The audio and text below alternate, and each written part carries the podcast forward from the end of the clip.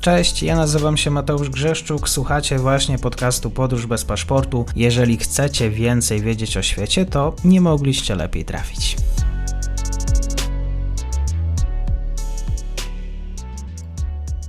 Dzień dobry wszystkim słuchaczom. Dzisiaj będziemy rozmawiać o geopolityce. Ta geopolityka cały czas towarzyszy wszystkim e, praktycznie odcinkom mojego podcastu, ale dzisiaj nieco w ujęciu teoretycznym, a moim gościem jest pan dr Wojciech Kazanecki, członek Komitetu Prognoz Polska 2000 plus działającego właśnie przy Prezydium Polskiej Akademii Nauk. Dzień dobry panie doktorze, dziękuję za przyjęcie zaproszenia. Dzień dobry panu, dzień dobry słuchaczom. Pretekstem do naszej rozmowy jest kwestia francuskiej myśli geopolitycznej. Przejdziemy do rozmowy o Paryżu w drugiej części naszego spotkania. Najpierw jednak zdałem sobie sprawę, że podczas no już blisko 3, ponad 360 nagrań, które miałem na swoim podcaście, e, padało setki razy słowo geopolityka, ale ani razu nie poprosiłem swojego gościa o to, żeby właściwie wyjaśnić, czym ta geopolityka jest, bo zdaję sobie sprawę, że część osób, które też nas słuchają, nie do końca wiedzą, albo też pojmują błędnie samo sformułowanie, same pojęcie. Panie doktorze, jakbym mógł poprosić o takie, e, taki wstęp właśnie, geopolityka czym jest i czym właściwie zajmuje się ta dziedzina? Na wstępie muszę panu bardzo podziękować za zaufanie i od razu muszę pana zmartwić, ponieważ według mnie nie ma jednej uzgodnionej definicji tego, czym geopolityka jest, na którą badacze byliby w stanie się zgodzić. Dla jednych ona będzie dyscypliną naukową, czyli jedną z nauk jedną z dziedzin nauki. Dla innych będzie metodą badawczą, czyli sposobem, za pomocą którego będziemy wyjaśniać rzeczywistość, ale nie takim, który y, będzie posiadał wszystkie atrybuty przynależne nauce. Dla innych to będzie sposób myślenia o świecie, sposób formułowania myśli, sposób y, przedstawiania swoich poglądów, y, nacechowany myśleniem o wielkich potęgach, o przemianach świata wielobiegunowego, unitarnego, gdzie będą padały różnego rodzaju odniesienia do potęgi, do wpływów, do koncertu mocarstw.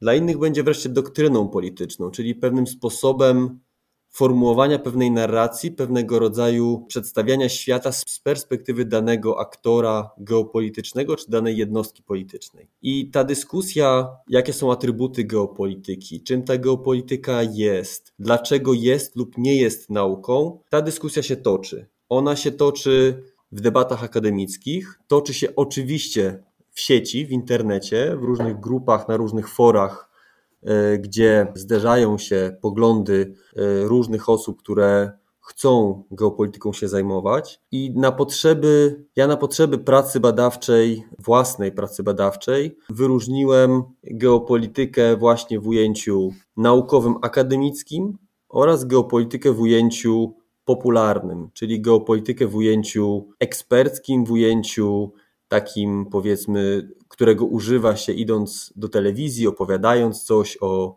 o jakichś wydarzeniach, komentując, przedstawiając perspektywę na przykład Polski na, na dane stanowisko. To wszystko jest y, taką geopolityką, powiedzmy, gdzie geopolityką lekką, można by powiedzieć, taką, gdzie osoba używająca tej geopolityki niekoniecznie jakby próbuje trzymać się pewnego rygoru pojęciowego, niekoniecznie zadaje sobie trud trzymania się pewnej aparatury pojęciowej, którą geopolityka próbuje wytworzyć. Czym innym jest geopolityka, którą uprawia się na uczelniach. A właściwie to można by powiedzieć, i to też y, jest jeden z elementów, który przyszedł mi do głowy, kiedy, kiedy zaprosił mnie Pan do tej dyskusji, żeby geopolitykę właściwie rozdzielić dwa pojęcia.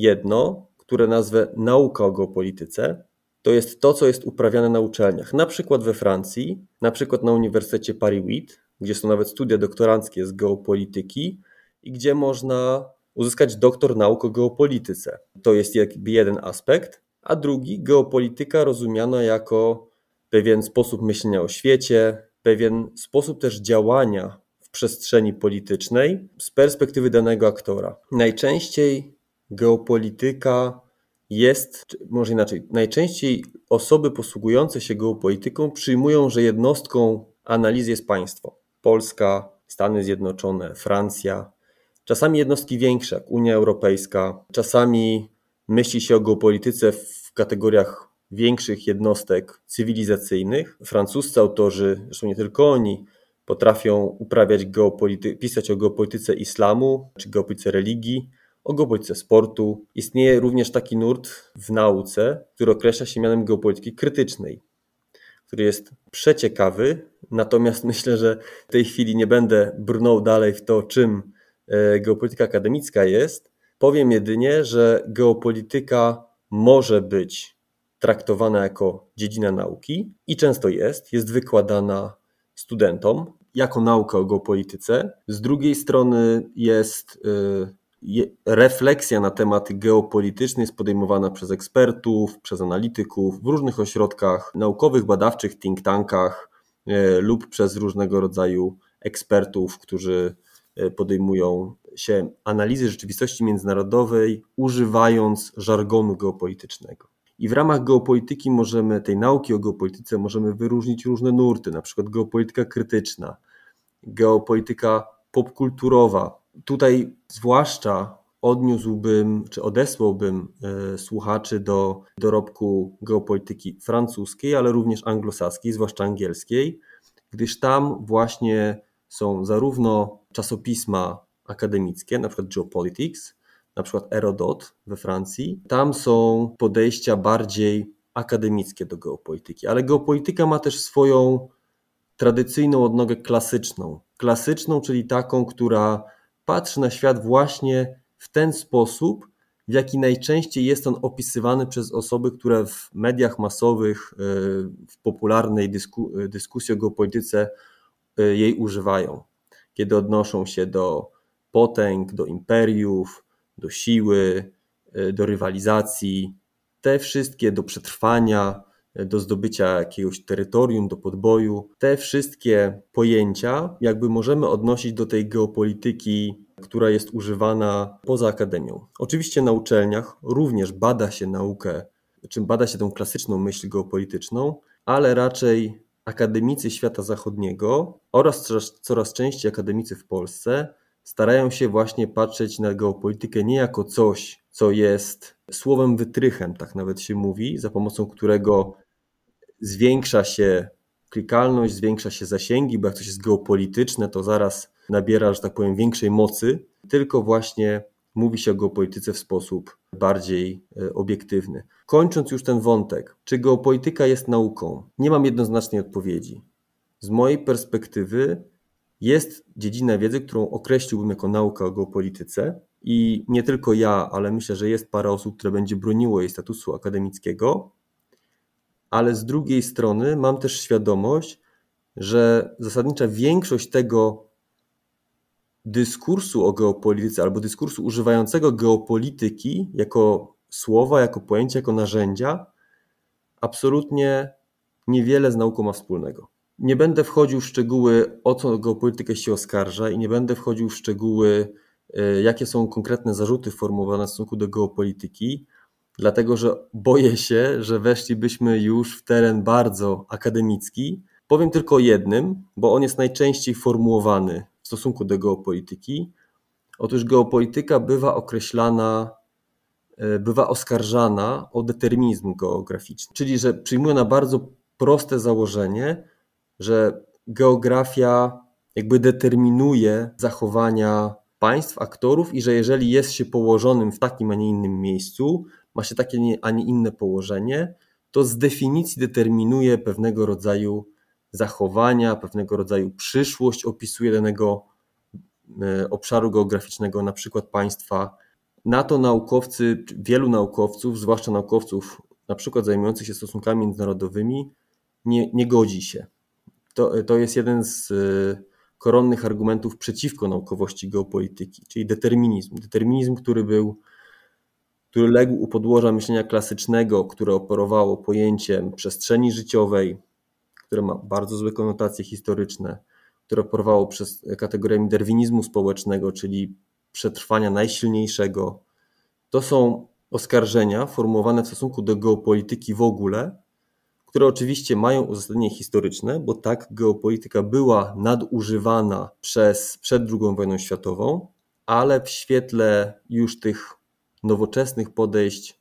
Myślę, że można bronić statusu naukowego geopolityki albo nauki o geopolityce, refleksji na temat przestrzeni, chociaż jestem pewien, że po tej audycji mogą odezwać się głosy właśnie ze środowiska akademickiego, które takie podejście będą kwestionowały. Ja myślę, że też e, słuchaczy te, tego podcastu, również innych audycji, ostatnio najbardziej elektryzuje, elektryzuje taką dyskusję i różnicę pomiędzy doktorem Leszkiem Sokulskim a Jackiem Bartosiakiem. Jakbym mógł poprosić pana doktora o to, czy, czy tutaj w kontekście tych dwóch panów, jakie są naj, największe różnice i w czym panowie się zgadzają, a w czym nie? To znaczy tak, na początku muszę uczynić jedno zastrzeżenie, że w żadnym wypadku nie chciałbym recenzować żadnego z moich szanownych kolegów. E, obu zresztą poznałem, jednego trochę bliżej, drugiego raczej przelotnie. I myślę, że odniosę się w sposób bardzo ogólny do, do, do, do tego, co ich łączy, co ich dzieli, ale nie wartościując w żaden sposób ich poglądów, ani nie próbując dokonać ich jakiejś jednoznacznej, nie poddać ich jakiejś jednoznacznej ocenie. Z dwóch powodów. Powód pierwszy, ja próbując przygotować się do tej dyskusji, starałem się śledzić to, co oni napisali, co powiedzieli, ponieważ są bardzo aktywni w mediach, w mediach społecznościowych, e, dużo publikują. Jest to niemożliwe, przynajmniej dla mnie, w tak krótkim okresie czasu, być w stanie powiedzieć, że ja wiem, co konkretnie, czy jak, z jakich założeń, z jakich punktów wyjścia wychodzi jeden i drugi autor, zwłaszcza, że ich poglądy też ewoluują. To jest jakby pierwsza sprawa czyli jest niemożliwością poznać wszystko, co oni chcieliby o geopolityce powiedzieć, albo to, w jaki sposób opisują świat. A druga sprawa nie jest, myślę, że najlepiej byłoby, żeby oni sami, że tak powiem, opisali swoją wizję świata, a ja chętnie mogę ewentualnie do takiej wizji e, w jakiejś dyskusji wziąć udział, e, się odnieść. Natomiast, żeby nie uciec od pytania, na pewno obaj wychodzą ze środowiska akademickiego. Tutaj zwłaszcza Leszek Sykulski pod koniec pierwszej dekady XX wieku założył Instytut Geopolityki, po, potem Polskie Towarzystwo Geopolityczne. Y, historycznie on był przed e, Jackiem Bartosiakiem. Historycznie to on dał podwaliny pod to, co my dzisiaj nazywamy tą geopolityką w Polsce. Założył na przykład biuletyn naukowo-analityczny Instytutu Geopolityki, który mam przed sobą, no miał wielki dorobek popularyzatorski. W swoich pozycjach y, napisał m.in. słownik geopolityczny i, i w swoich pozycjach bardzo mocno wychodził i przez długi czas trzymał się bardzo mocno tej perspektywy akademickiej. W ostatnim czasie, i tu zbliża go to do pana doktora Jacka y, Bartosiaka, stał się o wiele bardziej komentatorem geopolitycznym, stał się o wiele bardziej wizjonerem geopolitycznym, kimś, kto próbuje wyjaśnić to, co dzieje się na świecie, na przykład za pomocą bardzo częstych, bodajże codziennych komentarzy w mediach społecznościowych odnośnie danych wydarzeń świata międzynarodowego. I tu łączy go to z panem doktorem Bartosiakiem, ponieważ pan doktor Bartosiak po pierwsze również poprzez wiele publikacji, których których popełnił, które, na, które napisał. Mam, poczyniłem bardzo znaczne zakupy z okazji świąt, ale nie miałem okazji jeszcze zapoznać się ze wszystkim. Natomiast y, w swoich publikacjach on moim zdaniem patrzy na geopolitykę w sposób bardzo klasyczny, tradycyjny, to znaczy w rozumieniu takich klasyków jak Mackinder, jak Mahan, y, jak inni twórcy geopolityki, głównie anglosaskiej. Myślę, że tutaj Leszek Sykulski jest ma, ma trochę szerszą perspektywę, jeśli chodzi o myślicieli geopolitycznych, o, o inne tradycje geopolityki, ale uważam, że obaj mają bardzo szeroką podbudowę, jeśli chodzi o, o to, jak geopolitykę rozumieją, jak ją definiują, jak ją opisują. I wydaje mi się, że w ostatnim czasie obaj starają się y, być jak najbardziej obecni w przestrzeni medialnej, a więc im, i to ich zbliża do siebie, im geopolityka zawdzięcza tak wielką popularność obecnie w Polsce. E, jeszcze 10 lat temu geopolityka była znana ekspertom, głównie osobom związanym, związanym ze środowiskiem akademickim, którzy wiedzieli, że w 1995 roku pan redaktor Tomasz Gabiś na łamach czasopisma Stańczyk opublikował taki e, tekst poświęcony geopolityce do którego wszyscy się odnoszą w każdej książce poświęconej geopolityce w Polsce. Jest odniesienie do, do, tego, właśnie, e, do tego właśnie tekstu.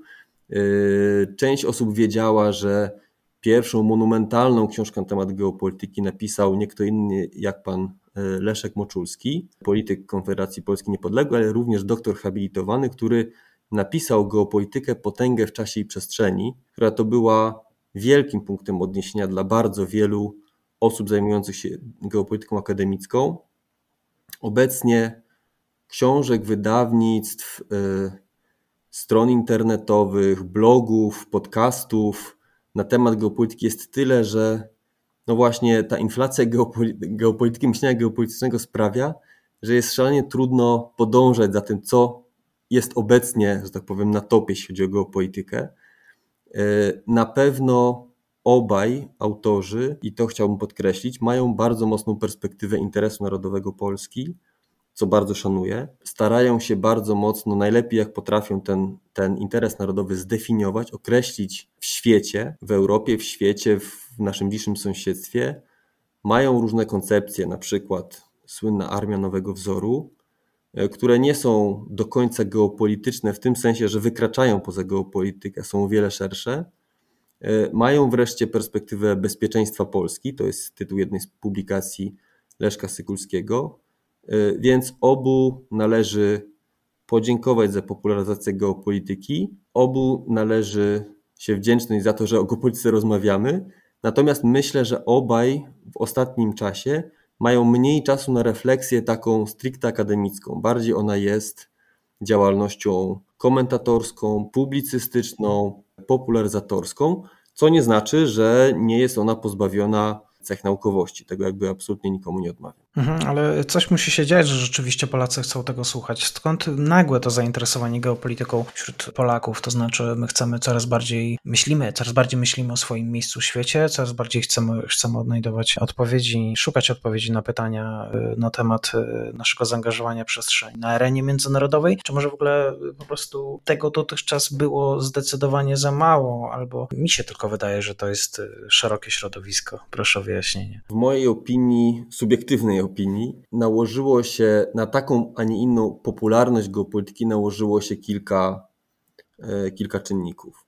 Po pierwsze, po tym okresie wejścia do Unii Europejskiej, wejścia do NATO, w momencie, w którym Polska była, to określenie jednego z przywołanych wcześniej autorów, była w takiej pauzie strategicznej, gdzie tak naprawdę Polacy mogli skoncentrować się na wzroście dobrobytu, y, mogli obserwować trochę, jak Unia Europejska zmaga się z kryzysem y, migracyjnym, patrzyli, jak świat zmaga się z kryzysem ekonomicznym, ale nas to tak do końca nie dotykało. Oczywiście wiem, że każdy patrzy ze swojej perspektywy i może mi wytknąć, że akurat jego to y, takie, a nie inne wydarzenie dotknęło bardziej, ale wydaje mi się, że byliśmy trochę odsunięci od takich wielkich problemów polityki międzynarodowej.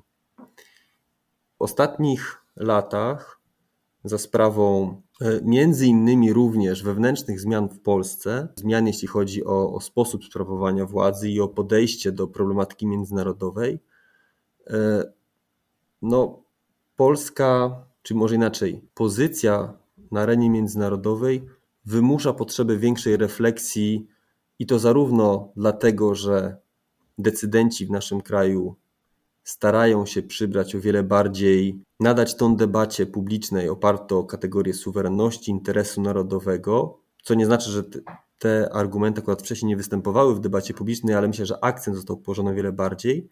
A po drugie, za sprawą takich wydarzeń zewnętrznych, jak chociażby prezentura Donalda Trumpa, który w sposób bardzo bezceremonialny odnosił się do stosunków międzynarodowych i właśnie promował takie prymat siły y, w stosunkach międzynarodowych y, w myśleniu o przestrzeni światowej, wzrost potęgi Chin, wydarzenia z naszą wschodnią granicą, konflikt na wschodzie w 2014 roku.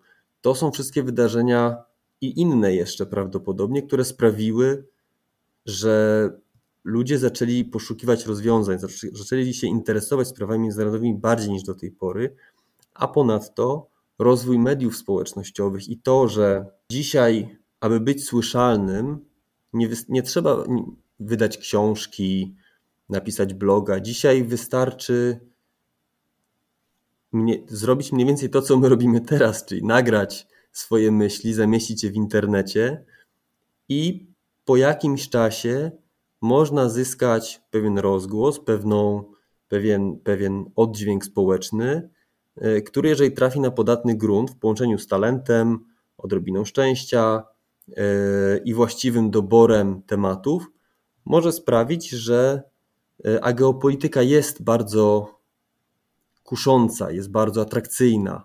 Sprzedaje się o wiele lepiej jako powiedzmy produkt przestrzeni medialnej niż stosunki międzynarodowe, niż politologia. Geopolityka od razu jest słowem, tak jak ktoś to powiedział, słowem, które przywołuje obrazy.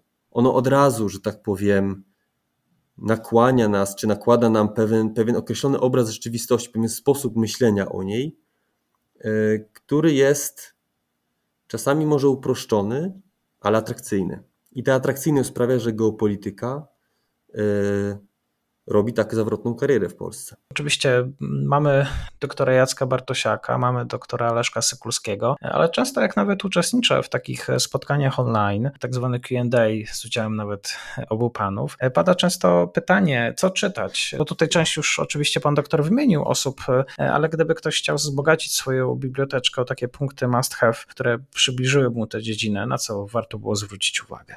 Ja podzielę tą biblioteczkę, jak pan to określił, na, na dwie części. Pierwsza będzie akademicka, druga będzie mniej akademicka, może trochę bardziej przystępna. Ta, ta akademicka to dwie publikacje, do których się odwołam, yy, które mam przed sobą w tym momencie. Książka pod redakcją Adriana Tyszkiewicza i Piotra Borowca Teorie i podejścia badawcze geopolityki.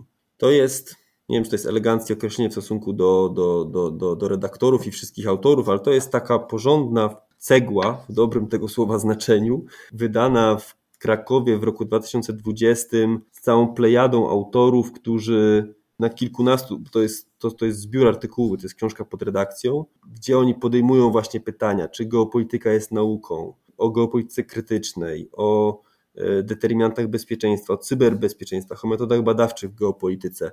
Myślę, że to jest niełatwa dla osoby, która nie jest obeznana z terminologią geopolityki, ale chyba bardzo wartościowa książka, która może pozwolić zorientować się w tych ostatnich przemyśleniach. Druga książka, którą chciałbym polecić, oprócz oczywiście dorobku e, panów Bartosiaka i Sykulskiego, tutaj miejmy jasność, że ja zachęcam wszystkich, żeby się zapoznać z ich dorobkiem, więc nie będę cytował poszczególnych książek. Druga książka to jest, ona nosi bardzo prosty tytuł, Geopolityka. Jest to książka pod redakcją naukową Andrzeja Dybczyńskiego, który właśnie podejmuje przeróżne rozumienia geopolityki, patrzy na nią od, strony bardzo, bardzo historycznej, klasycznej, przez okres zimnowojenny i ma też rozdział poświęcony geopolityce Polski. E, ta książka ma już około 10 lat, ale myślę, że jako taka teoretyczna podstawa będzie bardzo dobra. I trzecia książka, również polska, ale autora anglosaskiego, Wstęp do geopolityki Colina Flinta. To jest podręcznik akademicki, ale napisany przez. On już jest trochę leciwy, bo został wydany w 2008 roku, ale on właśnie pokazuje, w jaki sposób o geopolityce myśli się na uczelniach zachodnich. Pokazuje, w jaki sposób geopolityka jest albo może być wykładana na uczelniach, to jest bardzo ciekawy materiał, również jako ta perspektywa taka nie do końca klasyczna, taka jaką, jak o niej słyszymy na przykład w polskich, e, w polskich mediach. Książek, które są na mojej liście, może inaczej, powiem o trzech książkach, z których jed, dwie przeczytałem, a jedną będę chciał przeczytać, dobrze? Także tą trzecią polecam trochę, ale sam do końca jeszcze nie wiem, czy będzie. Znaczy, ja wiem, że będzie dobra, bo znam autora, e, ale zaczynam.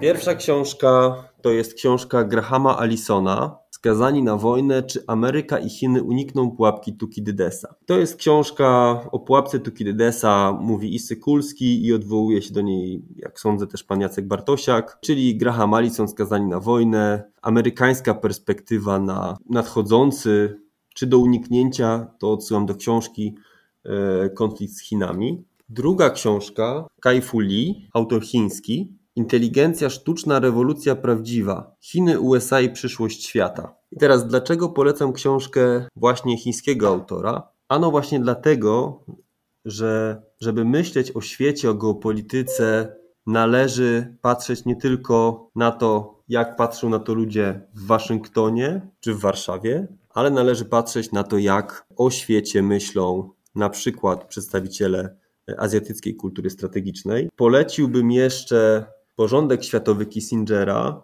To jest chyba jego ostatnia, najnowsza książka, chyba że jakąś przegapiłem. Z 2017 roku wydana w Polsce. Kissingera zawsze warto czytać. A na koniec, znowu o Chinach, pan profesor Bogdan Guralczyk, Nowy Długi Marsz. Chiny ery Xi Jinpinga. To jest książka, którą jeszcze muszę przeczytać, dlatego że y, o Chinach należy wiedzieć teraz jak najwięcej, należy je zrozumieć, a więc czytając książki renomowanych profesorów, y, ale pisane przystępnym językiem, to ważne. To, to są książki naukowe, ale pisane językiem, który jest przystępnym, przystępny, to, to to jest dobra rekomendacja dla osób, które chciałyby w sposób możliwie rzetelny y, wyrobić sobie własny osąd o świecie. Rzecz najnowsza, której chyba nie znajdę na biurku. Wojciech Lorenz, Strategia i Polityka. Odstraszanie Strategia i Polityka. To jest najnowsze wydawnictwo Polskiego Instytutu Spraw Międzynarodowych. Też jeszcze do przeczytania. Patrzę na inne książki, ale już, już, już daruję y, Państwu. Panie doktorze, to, tak, to jeszcze pytanie na koniec. E, jak myśli pan doktor, czy to zainteresowanie geopolityką w Polsce będzie też ewoluować, czy sama pojęcie geopolityki, znaczy pojęcie, podejście do geopolityki i też zajmowanie się geopolityką będzie wymagało zmian, w szczególności biorąc pod uwagę nasze czynniki polskie? Z jednej strony geopolityka czy debata o geopolityce będzie taka, jakie będzie na nią zapotrzebowanie. Czyli jeżeli będą, jeżeli odbiorcy będą oczekiwali i będą nagradzali osoby mówiące o geopolityce ilością polubień, kliknięć, biorąc pod uwagę geopolitykę taką, jaka ona jest dzisiaj prezentowana, no to nie można oczekiwać, że y, ta geopolityka ulegnie jakiejś zmianie, czy sposób mówienia o geopolityce, czy prezentowania jej, czy, czy używania jej do analizowania rzeczywistości międzynarodowej. Mam nadzieję, że jak już część przynajmniej osób słuchających, uczestniczących w debacie poświęconej geopolityce, sprawom międzynarodowym, ale nie tylko sprawom międzynarodowym, bo Francja, o której nie powiedzieliśmy zbyt wiele w tym odcinku, akurat we Francji geopolityka lokalna, geopolityka regionalna, czyli nie tylko międzypaństwowa, yy, czy między tymi podstawowymi aktorami systemu międzynarodowego, jest yy, jak najbardziej na porządku dziennym. Mam nadzieję, że z czasem uda się właśnie poszerzyć, pogłębić i jeszcze bardziej podnieść jakość debaty poświęconej geopolityce i nie sprowadzać jej do koncertu mocarstw Polski między Rosją a Niemcami, aby zacytować Adolfa Bocheńskiego, przedwojennego geopolityka. E, tylko będziemy e, w coraz bardziej zniuansowany sposób patrzyli na rzeczywistość międzynarodową, ponieważ geopolityka nie powinna prowadzić nas do wniosku, że świat jest biało-czarny, bo nie jest ma wiele odcieni szarości. Nie wiem, czy 50, czy, czy 500, ale ma wiele odcieni szarości i dostrzeganie tej złożoności świata to moim zdaniem jest jedno z zajęć dla geopolityków, dla osób zainteresowanych używaniem geopolityki. Geopolityka manichejska, patrząca na świat przez pryzmat dobra, zła, y, to jest geopolityka, która, której czas, mam nadzieję, już przeminął. Chociaż do dzisiaj mamy jeszcze ludzi, którzy na ten świat w ten sposób właśnie patrzą, Jednym z nich, chociaż nie jedynym, jest taki myśliciel rosyjski Aleksander Dugin, ale o Duginie na przykład Leszek Sykulski, przywoływany dzisiaj, e, napisał nie jeden artykuł, ma nawet książkę, wywiad e, z Duginem, więc tam do tego Państwa odsyłam. Dzisiaj e, o geopolityce, w następnym e, odcinku, następnym, następnym spotkaniu o tym, e, jak wygląda ta geopolityka, jakim jest odbiciem, jeżeli chodzi o politykę, geopolitykę wewnętrzną Francji i zewnętrzną również, o tym, jak Francuzi i jak to rozumie się nad Sekwaną. Tymczasem dzisiaj moim gościem był Wojciech Kazanecki, członek Komitetu Prognoz Polska 2000+, działającego przy Prezydium Polskiej Akademii Nauk. Bardzo dziękuję za nasze spotkanie. Bardzo dziękuję za możliwość powiedzenia paru zdań o geopolityce e, do Pana i do słuchaczy. I to już koniec na dzisiaj. Zapraszam na profil podcastu Podróż bez paszportu na Facebooku, Instagramie i Twitterze. Zachęcam też do wsparcia mojej pracy na serwisie Patronite oraz Buy Coffee. Do usłyszenia.